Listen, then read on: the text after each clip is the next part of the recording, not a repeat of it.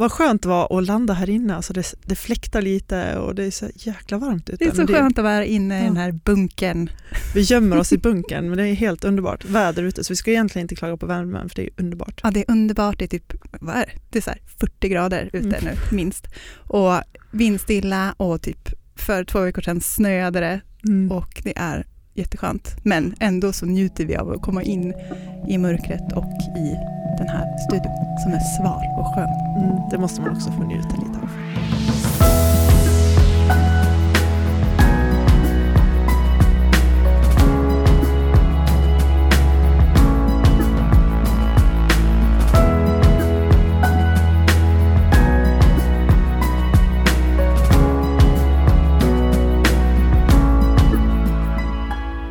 Välkomna förresten till Cancersnack. Ja, hej och välkomna. Och så glad är jag att du är tillbaka idag Emma. Ja, det känns så kul att vara här. Det var så konstigt förra veckan när jag inte var här och när jag låg hemma och var Ja, det var dålig. jättekonstigt och jätteensamt utan dig. Så att jag är Mm. så glad att höra din ljuva stämma igen i mina hörlurar här.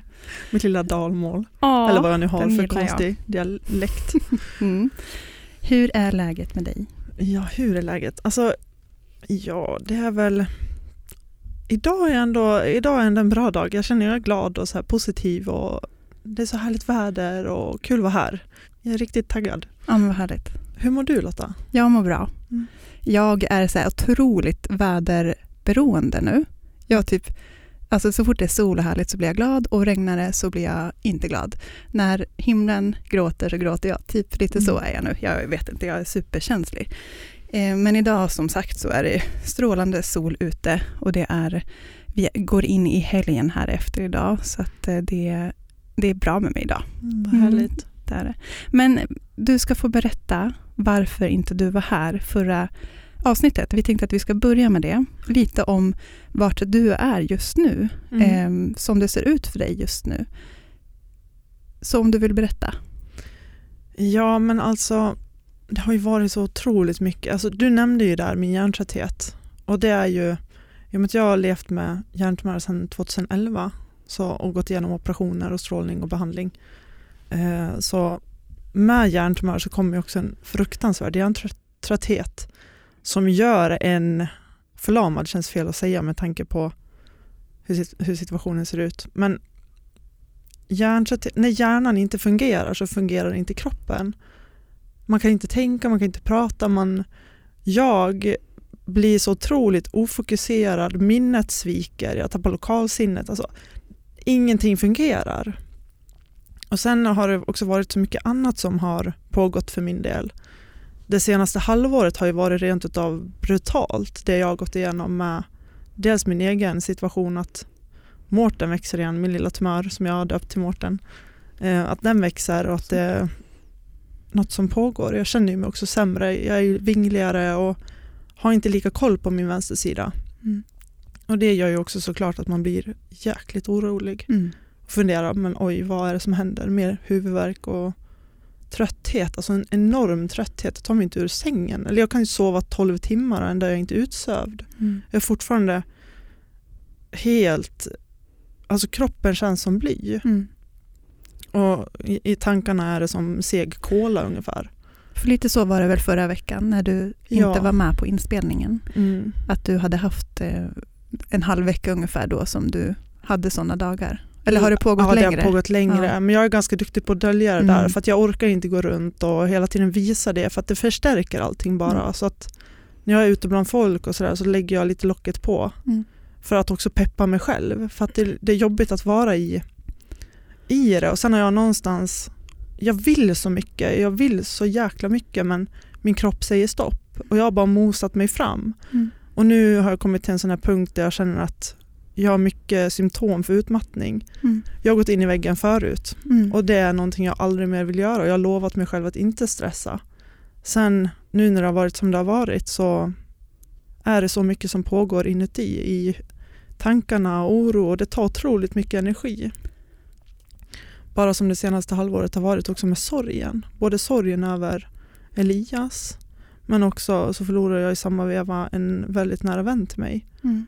Och det har någonstans, det hände i samma veva som jag fick reda på att min tumör växte. Mm. Och då blir det någonstans när jag är sjuk så måste jag först och främst fokusera på att jag är sjuk och att Mm. min hälsa går först. Mm. Där har jag fått lov att lägga sorgen åt sidan och bara fokusera på mig själv och min sjukdom.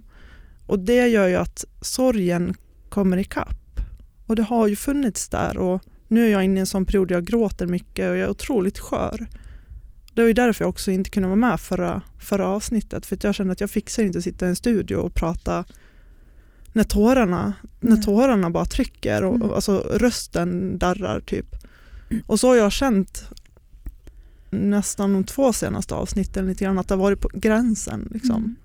Och sen kvällen innan vi skulle spela in förra veckan så kände jag bara att det här kommer aldrig gå.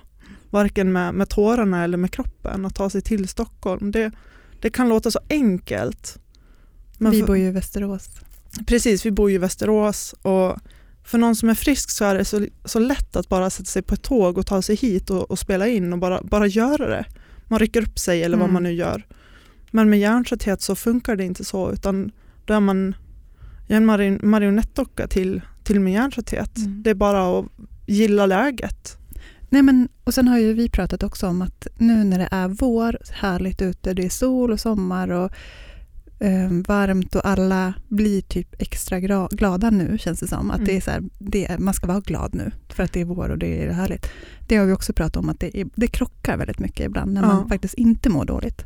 Och att någonstans ibland så känns det inte som att det är okej att säga att man mår dåligt. Men precis. Att, och där, där har du känt att det har var- varit ganska påtagligt. Ja, det blir ju det. Jag är känslostyrd och det gör ju att när jag är inne i de här dalarna och när det är som det är nu, det är mycket oro kring min, min situation. Min senaste röntgen som jag gjorde i januari visar ju på att min tumör växer. Så jag fick ju träffa min neurokirurg och har ju stått inför en eventuell operation som det lät då. Men nu har det ju månaderna bara går och jag har fortfarande inte fått komma till röntgen. Och jag känner mig sämre och har varit väldigt tydlig med det till läkarna. Fortfarande har jag inte fått en röntgen inbokad och inte, jag har ingen kontroll alls eller koll på vad det är som händer uppe i min hjärna. Nej, det där, jag blir så förbannad på det där. För att vad är det som är så svårt att skicka dig på röntgen? Och, alltså, du har ju en tumör som, alltså, den växer ju. Precis. Du behöver ju komma och undersöka det här. Mm. De sa, berättade det här för dig i början av mars Mm. och nu är det i slutet på maj Mm. Eh, och du har inte ens fått en remiss till röntgen. Nej, när man såg att det växte där i, i, vid min senaste röntgen i januari så bestämde man det att vi ska sätta in cellgifter.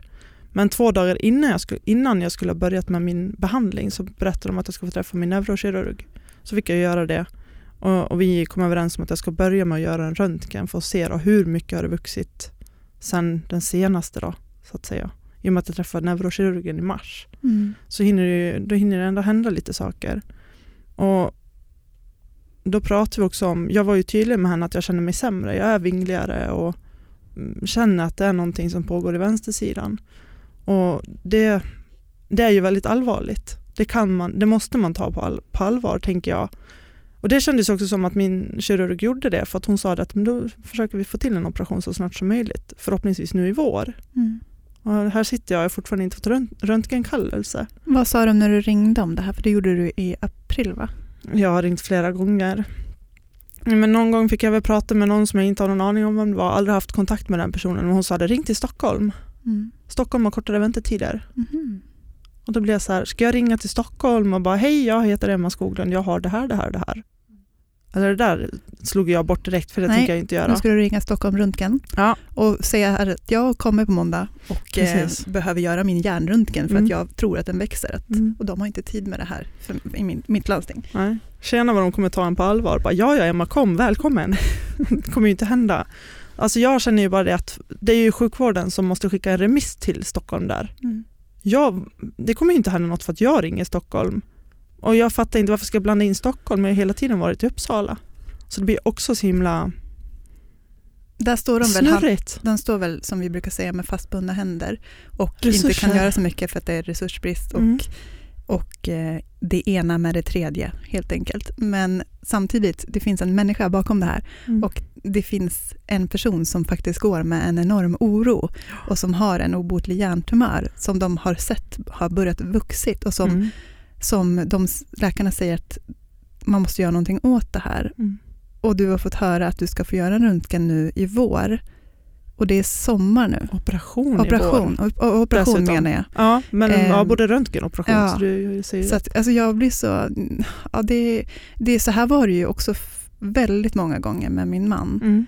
Och där var ju jag ihärdig, alltid. Mm. Jag ringde som en dåre. Jag var I was a maniac, liksom, och ofta. Och jag märkte att det blev skillnad då. Att, Mm. så här, jag vet, när han fick första... Eh, alltså när han fick sitt besked och de såg att det var en jätte, jättestor tumör i hans eh, lever. Då så dröjde röntgen jätte, jättelänge. Och Mm. vi gick och väntade och väntade och det var ingen som ringde. Och här gick vi hemma med det här jättehemska beskedet och det var ingen som hörde av sig ens. Och de, det enda de sa vid första mötet var att vi måste gå vidare och göra vidare utredningar. Det första steget är en röntgen.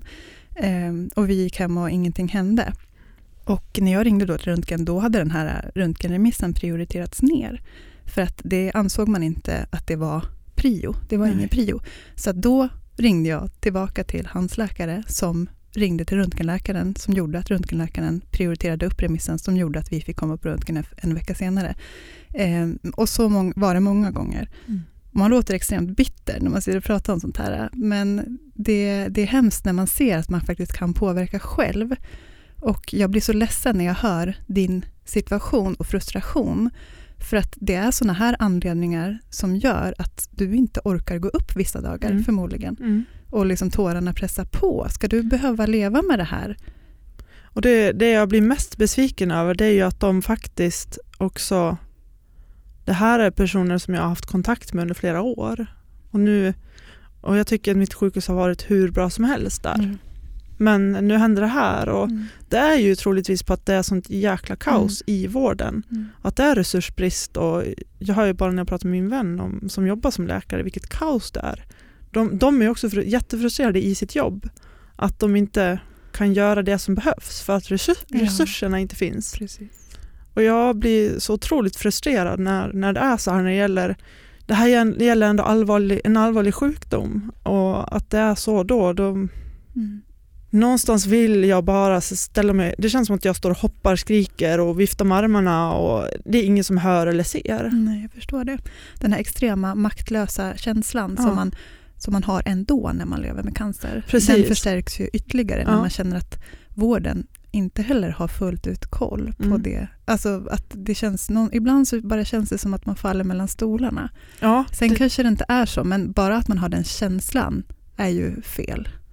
det är det ju. Och jag får ju lite den känslan nu, att mm, i och med att eh, tiden går Mm. och ingenting händer. Så det blir, så det blir sån enorm frustration i det här och det här, det här är mitt liv det handlar om, det är min framtid det handlar om och någonstans känns det som att man glömmer det.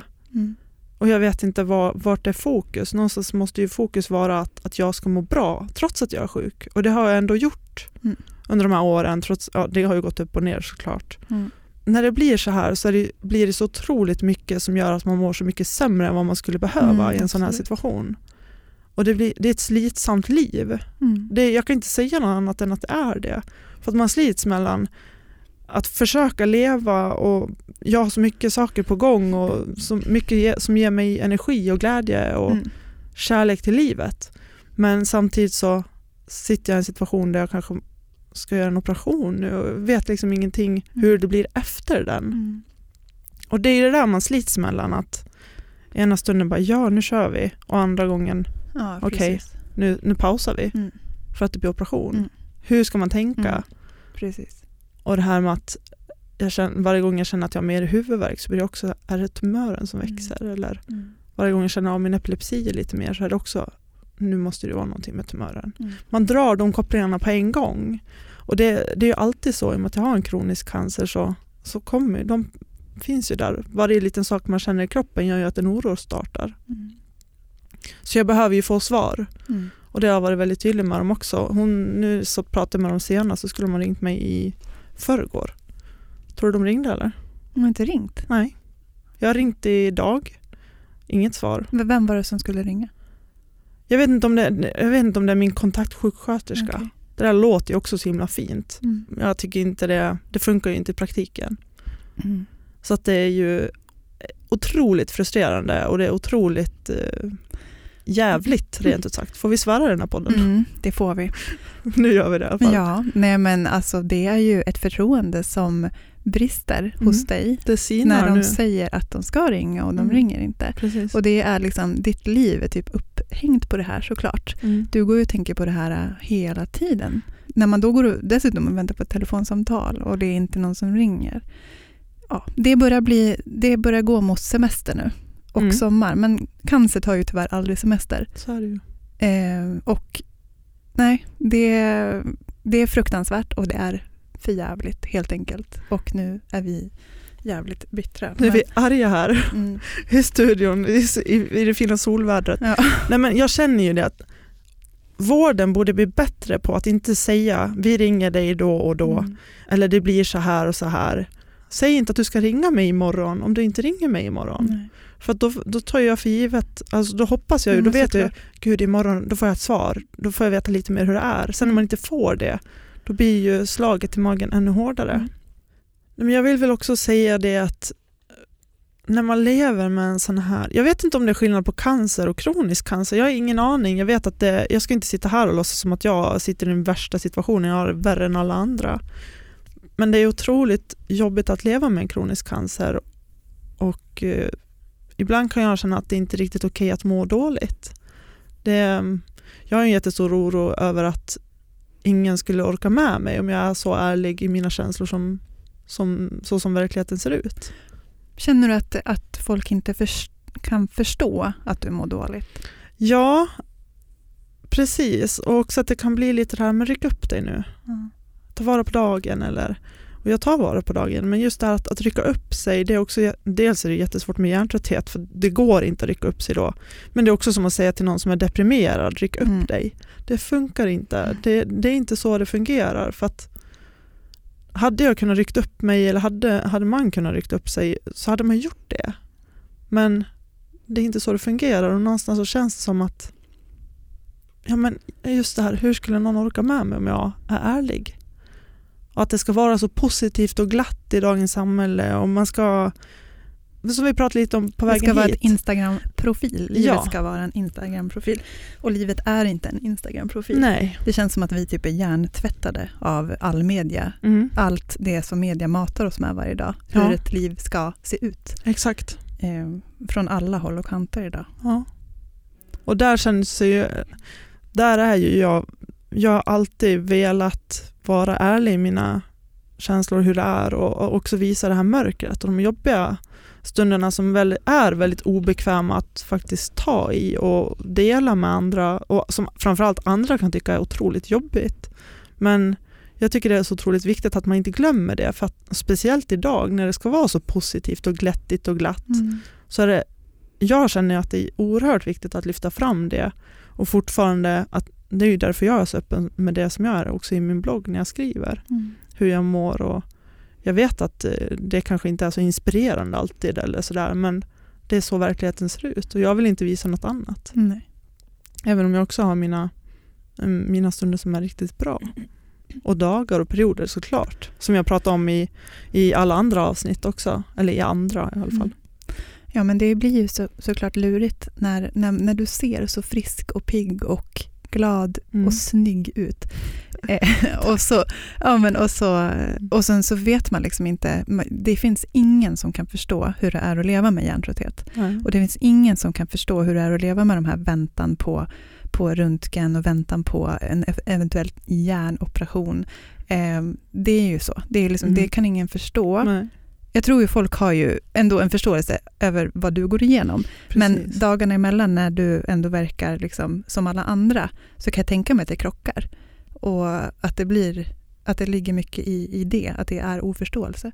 Jag tror att vi har pratat om det förut i något avsnitt där vi sa också det här att när man lever med en cancer som ser ut som min så, så blir det, när det blir nya slag så blir det också nya kriser. När, när jag får reda på att min tumör växer igen så börjar Mm. krisen om. Eller Mm.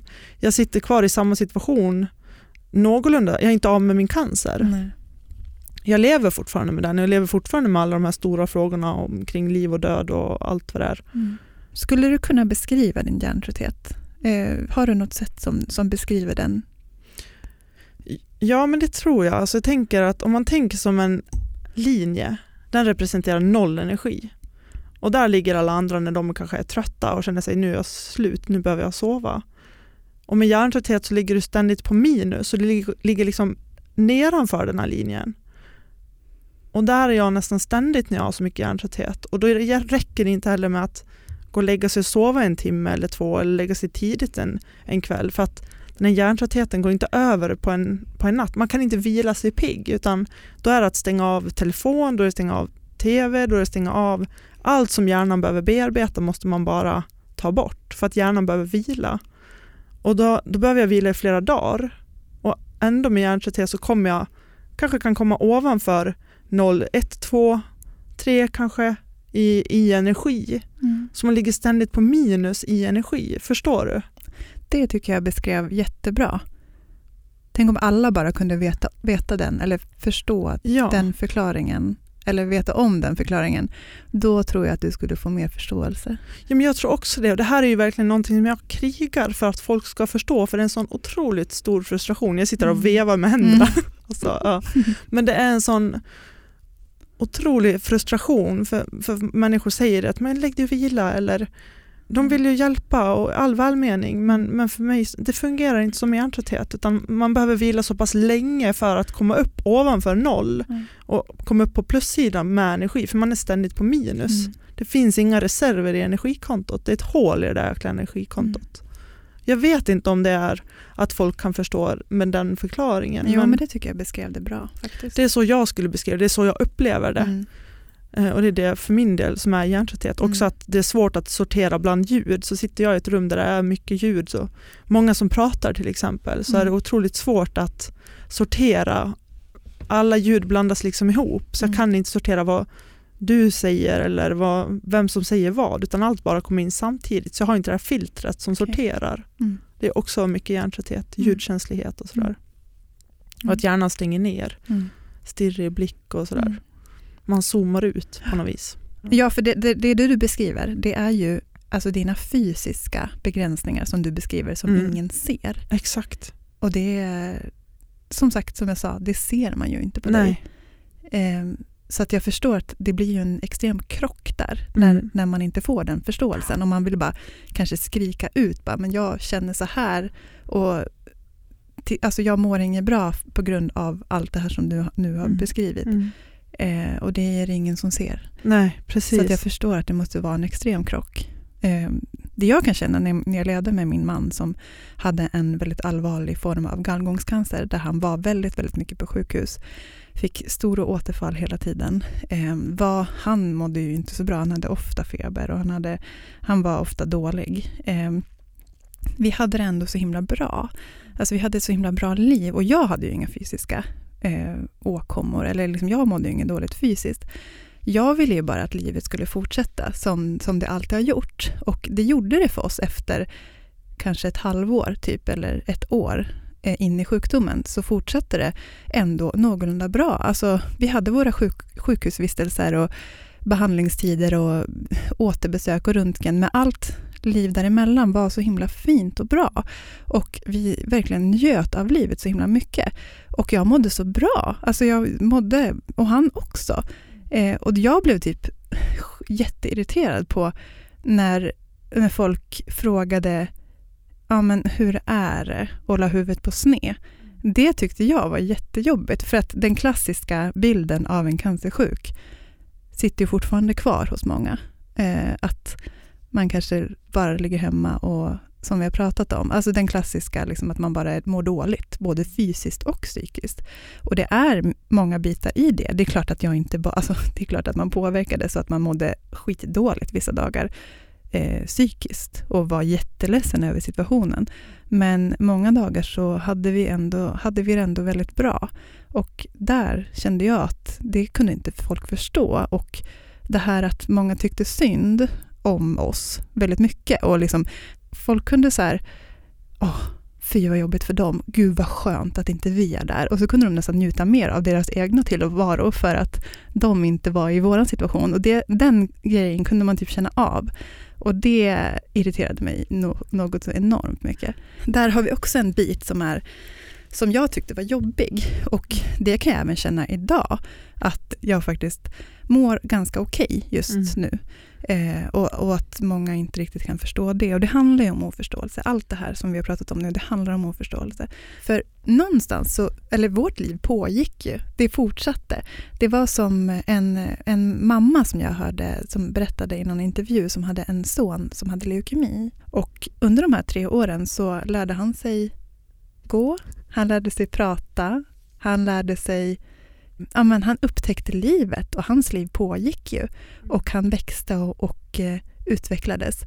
Det jag vill säga med det här är att, att leva med cancer, det är ju inte bara misär. Utan det, liksom, livet pågår ju hela tiden ändå. Och människan har en fantastisk förmåga att anpassa sig. Och det är någonting som jag har lärt mig av det här. Att jag hade ju aldrig i min vildaste fantasi kunnat förstå att vi skulle liksom ta oss igenom det här på det sättet som vi faktiskt gjorde och ha det fokuset som vi faktiskt hade innan vi drabbades av det här. Och ens anpassningsförmåga som man har är ju helt otrolig. Och livet pågick ändå. Den här lilla killen lärde sig prata, han, han lekte med kompisar och han hade, jätte, han hade världens bästa liv samtidigt som han gick igenom någonting väldigt jobbigt. Och där tror jag kanske att, att man inte ser det då. Liksom man ser bara det här att ligga huvudet på sned, tycka synd och fy vad jobbigt. Men det är så mycket mer som händer. Också att man faktiskt lär känna sig själv sjukt mycket och man liksom utvecklas ju på massa olika plan. Ja, verkligen. Och jag satt hos min terapeut nu i veckan och hon sa det, pratade om det här med utveckling och, och kris. Och, men det hon menar på är ju kris är utveckling. Och Just det är ju det. det jag också känner. att Gud vilken bra mening. Hur bra som helst. Mm. Jag har ju utvecklats otroligt mycket, det vet att du också har Lotta. Ja. Stor skillnad när man lär sig otroligt mycket. Och jag tycker, precis som du säger, det här att det, det, är inte bara det ena eller andra, misär. Eller, och jag tycker det är så otroligt provocerande när folk tittar på mig och tycker att mitt liv är tragiskt. Mm. Mitt liv är fantastiskt mm. och jag får leva, uppleva otroligt mycket glädje och lycka och hur mycket bra som helst. Och jag tycker mitt liv egentligen är bättre mm. idag än vad det var när jag var frisk. Det är så himla klurigt. Å ena sidan så är det ju så. Ja. Å andra sidan så är det det som du förklarade innan, att Exakt. det finns en extrem oförståelse för det fysiska. Mm. Precis. Ja, och jag känner ju väldigt mycket, alltså det som har varit mitt, jag tänker också nu på Nina som vi hade med i förra avsnittet som du, du mm. hade en intervju med. Hon sa ju det, hon hade ett mission mm. och mitt mission det är ju det att få folk att förstå att cancer är inte bara misär eller tragiskt utan även om jag brinner ju för både frågor som gäller cancer och även psykisk ohälsa för att jag har erfarenheter av det själv. Och det är något som behöver pratas om mm. mer. Mm. Det är så otroligt viktigt för det är så många som lever med psykisk ohälsa också som går runt och skäms och Ja, verkligen. Och speciellt i vårt samhälle som vi lever i ja. idag med all massmedia som vi matas av hela mm. dagarna. Där det många gånger är det perfekta, glattiga, framgångsrika, härliga livet. Precis. Ehm, så, att, så är det ju en jätteviktig bit att lyfta. Mm. Och jag tycker att den, den börjar lyftas mer och mer. Mm. Så där tycker jag ändå att vi börjar komma någonstans på vägen. Ja, verkligen. Men det, ja jag tycker också det, det går framåt och vi, vi, har blivit bättre men just det att man får vissa bitar som man känner att det här, det här skulle jag kunna påverka.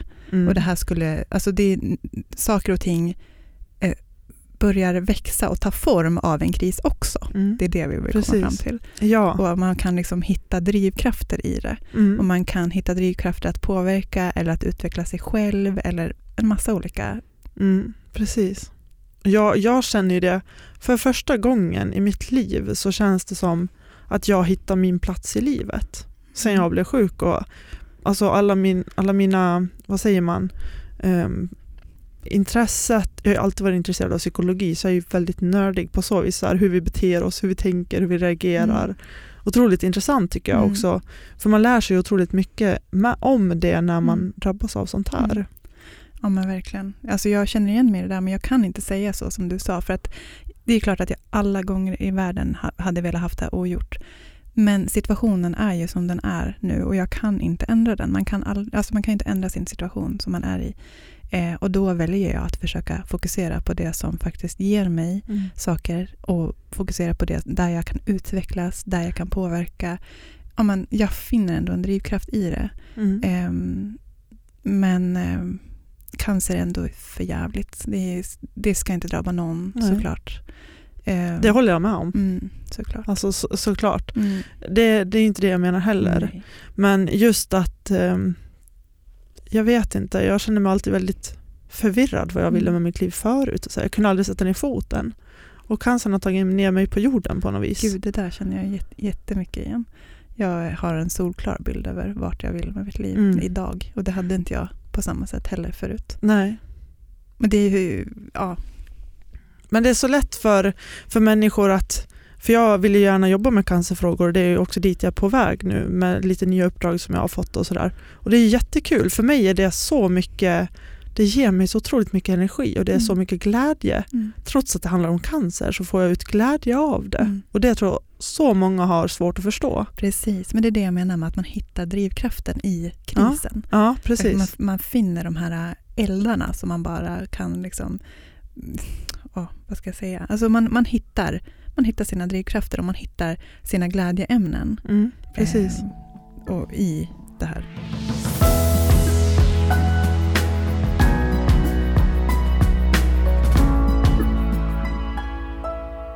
Det känns som att eh, våra, våra liksom, eh, känslor typ krockar just nu lite grann. Ja. För att du känner dina känslor väldigt mycket just nu Mm. och du tar till dig dem väldigt mycket och går in i dem. Och det förespråkar vi och Mm. eh, ty tycker det är jättebra och viktigt att man gör. Att man tillåter sig att känna exakt det man känner och Mm. att man någonstans ska tycka att det är helt, alltså det är helt okej Mm. att göra det. Ehm, jag tror att jag inte är där just nu utan jag stänger nog av ganska mycket. Jag är en riktig dopamin-junkie just nu. Jag vill bara ha glada, eh, jag vill bara ge mig in i liksom glada saker och göra sånt som jag vet att jag mår bra av, som jag får en så här riktig dopamin-rush av.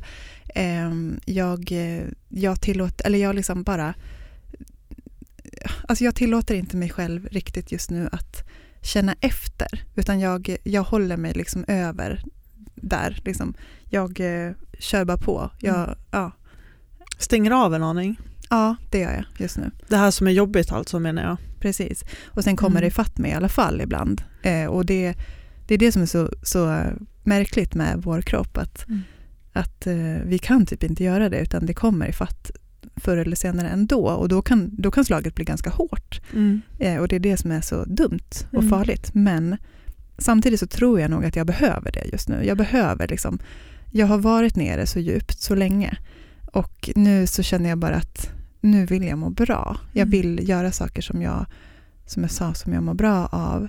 Och eh, så det har två sidor. Liksom. För det, det kan komma, som jag sa, jag är väldigt så här väderpåverkad. Ja, så fort det liksom är, är molnigt och regnigt så påverkas jag jättemycket av det. Och så, så Mm. kan jag ha en skitdålig dag och allting bara kommer i fatt. Och jag, jag liksom kommer på mig typ att jag vill ringa Elias. Liksom för att jag, och så, ja, men du vet, man kommer på allting och så Mm. blir det jättejobbigt. För att nästa dag så, bara, så står solen högt på himlen och jag påverkas jättemycket av det och blir jätteglad. Mm. Eh, Så det har två sidor men, men samtidigt så mår jag väldigt bra av det. Och jag har kommit på mig själv att jag har typ blivit en ja-sägare. Mm. Det låter så himla så här hurtigt nu. det låter som världens Vill du hurtigaste berätta? människa. Hur då? Men, nej men det var typ en kompis som hörde av sig till mig för ett tag sedan och bara, ska vi dra till Milano om två veckor? Eh, Jag är ledig, jag skulle vilja åka dit. Jag bara, men så här, nej, det är klart vi inte ska dra dit. Alltså jag, har andra, alltså jag har massa andra planer, jag har inte råd, nej. Ehm, och så bara, men vänta nu, varför säger jag nej? Det är tre dagar i Milano, vem tackar nej till det? Mm. Alltså jag, jag har liksom ingenting egentligen som jag har en anledning för att säga nej till det. Alltså jag är själv nu, liksom jag, jag har min sommar, det är väl klart att jag ska göra det. Så typ sådana saker. Jag bara, ja, självklart, det ska vi göra.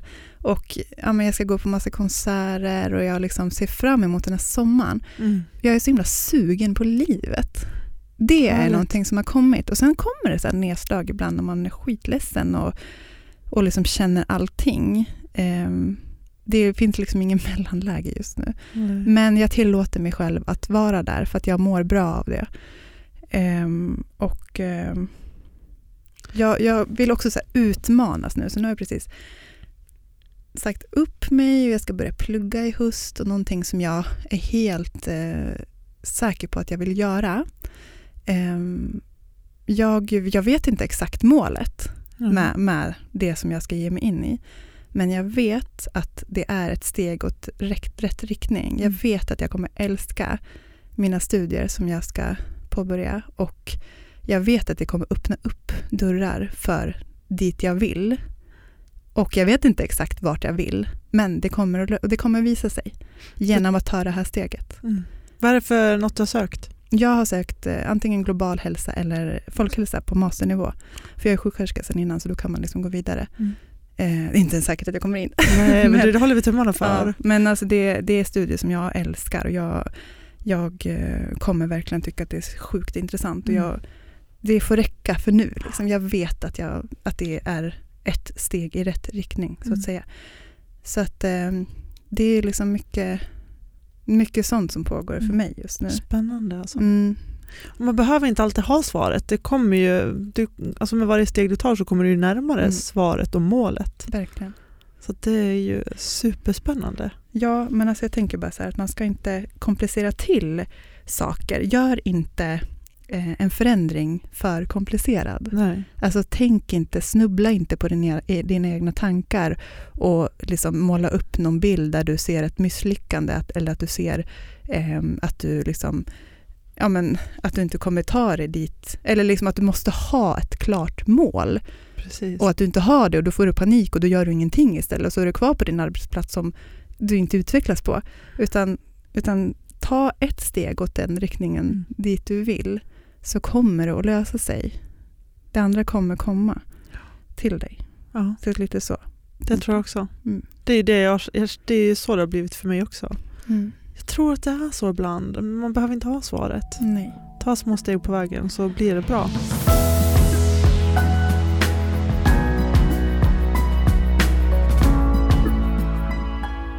Nej, men jag förespråkar verkligen att bli en dopamin-junkie. Men man måste ändra de här, eh, de här eh, dopaminflasharna man får.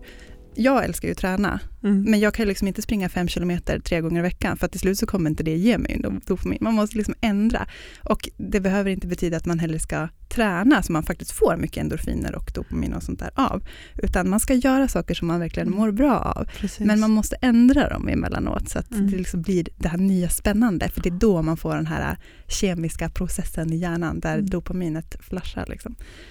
Ja, det är nog, jag tror att man kan likställa det med typ att ta någon drog, för att det är nog lite samma. Alltså man behöver liksom Mm. öka substansen Mm. och ändra innehållet Ja, typ, ja. för att få samma effekt. Mm. Den första är ju- alltid gratis. Mm. Yes. Nej, men alltså, det finns ju inget bättre än att så börja med någonting nytt. Där man bara, gud vad är det här för någonting? Mm. Vad ger jag mig in på? Så jäkla spännande. Jag Mm. älskar den känslan av att ge mig in i någonting som jag inte riktigt har koll på vad det är. Men det känns spännande och så här, gud vad roligt. Ja. Men också lite skrämmande. Men det är då jag verkligen känner att jag lever. Ja, Och att man får fortsätta utvecklas, inte stå still. Att Nej. stå still det är ju det värsta som finns känner jag. Det bara kliar i hela kroppen på mig. Jag bara, nu vill jag vidare. För man, Ja. man är hungrig på livet, så känner jag också. ja, men extremt hungrig på livet. Och någonting, alltså man förstår ju, alltså det som vi går igenom Mm. och har gått igenom, det, det har vi också sagt några gånger nu, att man förstår faktiskt att livet går fort och det är liksom ingen idé att hålla på och slösa bort det på Nej. dåliga energier eller ett jobb som man inte trivs med eller eh, energitjuvar till alltså det, är liksom, det finns inte, det är bara att köra på och göra det man Mm. verkligen mår bra av för att, för att det går fort. Ehm, det, vi har bara ett liv. Mm, exakt, Och jag tänker också det. Och där känner jag också att jag orkar liksom inte ge mig in i dåliga energier. Där har jag också faktiskt blivit duktig på att sålla bort dåliga energier ur Mm. mitt liv. För att eh, det, det, varför ska jag hålla på och, och vara där på Mm. platser där, där jag känner att det är dålig energi, personer som har dålig energi, alltså som inte jag får ut någonting av. Mm. Nej, det går bort. Helt rätt tänk, för jag tänker att man, man slösar så otroligt mycket energi på, på sånt. Det är, det är bara dumt. Mm. Det, det är ju något jag har lärt mig på den här resans gång också, att Mm. ta bort. Alltså också med, med tanke på de situationerna vi sitter i, både du och jag, även om de är extremt olika så är det det är energikrävande. Mm. Är det. Att både vara närstående och det du har gått igenom, sorgen och alltså den här berg och dalbanan med känslor och ena stunden är man hög på livet och andra stunden är man, andra stunden är man helt nedslagen och jätteledsen. Och, Mm. alltså, det tar mycket energi Mm. att pendla i det här. Ibland kan det kännas som att man är lite schizofren eller Ja, säger, det känns som att det här "Herregud, avsnittet man så här, åker." För det är verkligen en dubbelhet i det här. Det finns två tydliga sidor. Ja, det är så. Mm. Och det, ja, Men det är ju verkligen som du jag säger, det känns som att man är schizofren ibland. Jag är ju väderschizofren då. då. Jag är ju känsloschizofren då. Nej men det är ju så och jag tror att, ja men som sagt, det här tar mycket energi att gå igenom det du går igenom och det jag går igenom. Och jag tror att alla, alltså vi all, alla människor behöver sålla och fundera, Mm. vilka har jag runt omkring mig? Ger det här eller tar det energi? Är det här bra för mig? Mm. Trivs jag på jobbet eller vad får mig lycklig? Och jag tror det är jätteviktigt att faktiskt rannsaka sig själv där lite grann och bara gå igenom vart är jag i livet? Är jag på en plats där jag verkligen vill vara? Mm. Är jag den jag vill vara som person? Mm. Eller, och är man inte det så börja jobba mot det målet du vill. Mm. Du har alla möjligheter att, att förändra det. Ja. Det är sånt du kan påverka, Mm. så påverka det. Eller hur? Verkligen. Påverka det du kan påverka. Ja, är det någonting jag har lärt mig sen jag blev sjuk så är det verkligen att påverka det du kan och, och försöka acceptera och släppa det du inte kan. Verkligen. Hantera det på något Mm. sätt. Mm. Ja. För man, vi har bara ett liv och det Mm. låter ju otroligt alltså, klyschigt men det är ju så sant. ja, det är det. Ja, verkligen. Nej, men eh, så härligt att ha dig tillbaka. Jag är så Mm. glad för det. Det, det är verkligen. Eh, och Så kul att få sitta här med dig igen. Ja, Även om jag är lite, kanske lite snurrig, i, lite, lite ofokuserad Ja, och sådär. Men det kommer ju med det är hjärntröttheten jag också. med och jag har ja. inget att skylla på. jag, fall, jag kan i alla fall skylla på det som jag brukar skämta om. Det kan ju Ja. vara lite brutalt men jag brukar säga det, men jag är sjuk i huvudet. Vad är du? ja, herregud. Nej, hem- men du vet du vad, kan vi inte bara berätta vilken gäst vi har nästa vecka? För att vi Mm. ser fram emot det så himla mycket. Ja. För det är en otroligt inspirerande gäst, så att ni måste verkligen lyssna på det avsnittet. Hon är ofta med på TV4 Nyhetsmorgon. Hon är läkare och hjärnforskare och heter Mona Esmalizade. Och hon alltså, forskar ju på hur du, hon, hon till exempel kan ge tips på hur du kan leva i upp till 150 år. Och menar ju på att vi kan påverka så mycket mer än vad vi gör idag Mm. och att teknologin har kommit så enormt långt. Hon menar också att bebisen som kommer bli tusen år redan är född. Det är ganska sjukt. Det är lite sjukt. Ja, tusen år Ja. kan man bli det. Det är galet. Spännande. Det kommer bli sjukt spännande. Ja, nörden i mig verkligen hoppar ju av glädje för Ja. det ska bli riktigt intressant att höra. Mm. Så lyssna då. Ehm, och tack så jättemycket för idag, för att ni lyssnade. Tack så jättemycket så hörs vi nästa vecka. Ja, det gör vi. Förresten, Mm. vi ska ju säga det också. Följ oss gärna på Instagram och även Facebook. Vi heter ju Cancersnack där. Mm. Och så får ni jättegärna prenumerera på, i din podcaster-app eh, på podden och även ge en recen- recension. Ja, Då gör skulle det. vi bli In jätteglada. på iTunes och prenumerera och recensera. Ja. Maila oss om ni har några frågor och följ oss på Instagram Mm. och Facebook. Har ni också ett ämne eller eh, en fråga som ni vill ta upp eller kanske ett eget problem som ni vill att vi ska prata om, jag och Lotta, eh, så får ni jättegärna mejla in det. Antingen på mejlen cancersnacket at gmail.com eller till vår Instagram eller Facebook. Det går också bra. Do it! Ja. Hej Tack så jättemycket. Hej då!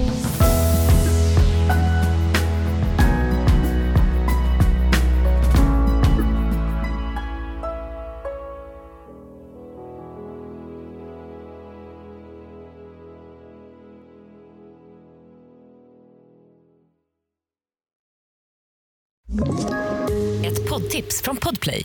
I podden Något Kaiko garanterar östgötarna Brutti och jag, Davva, dig en stor dos skratt.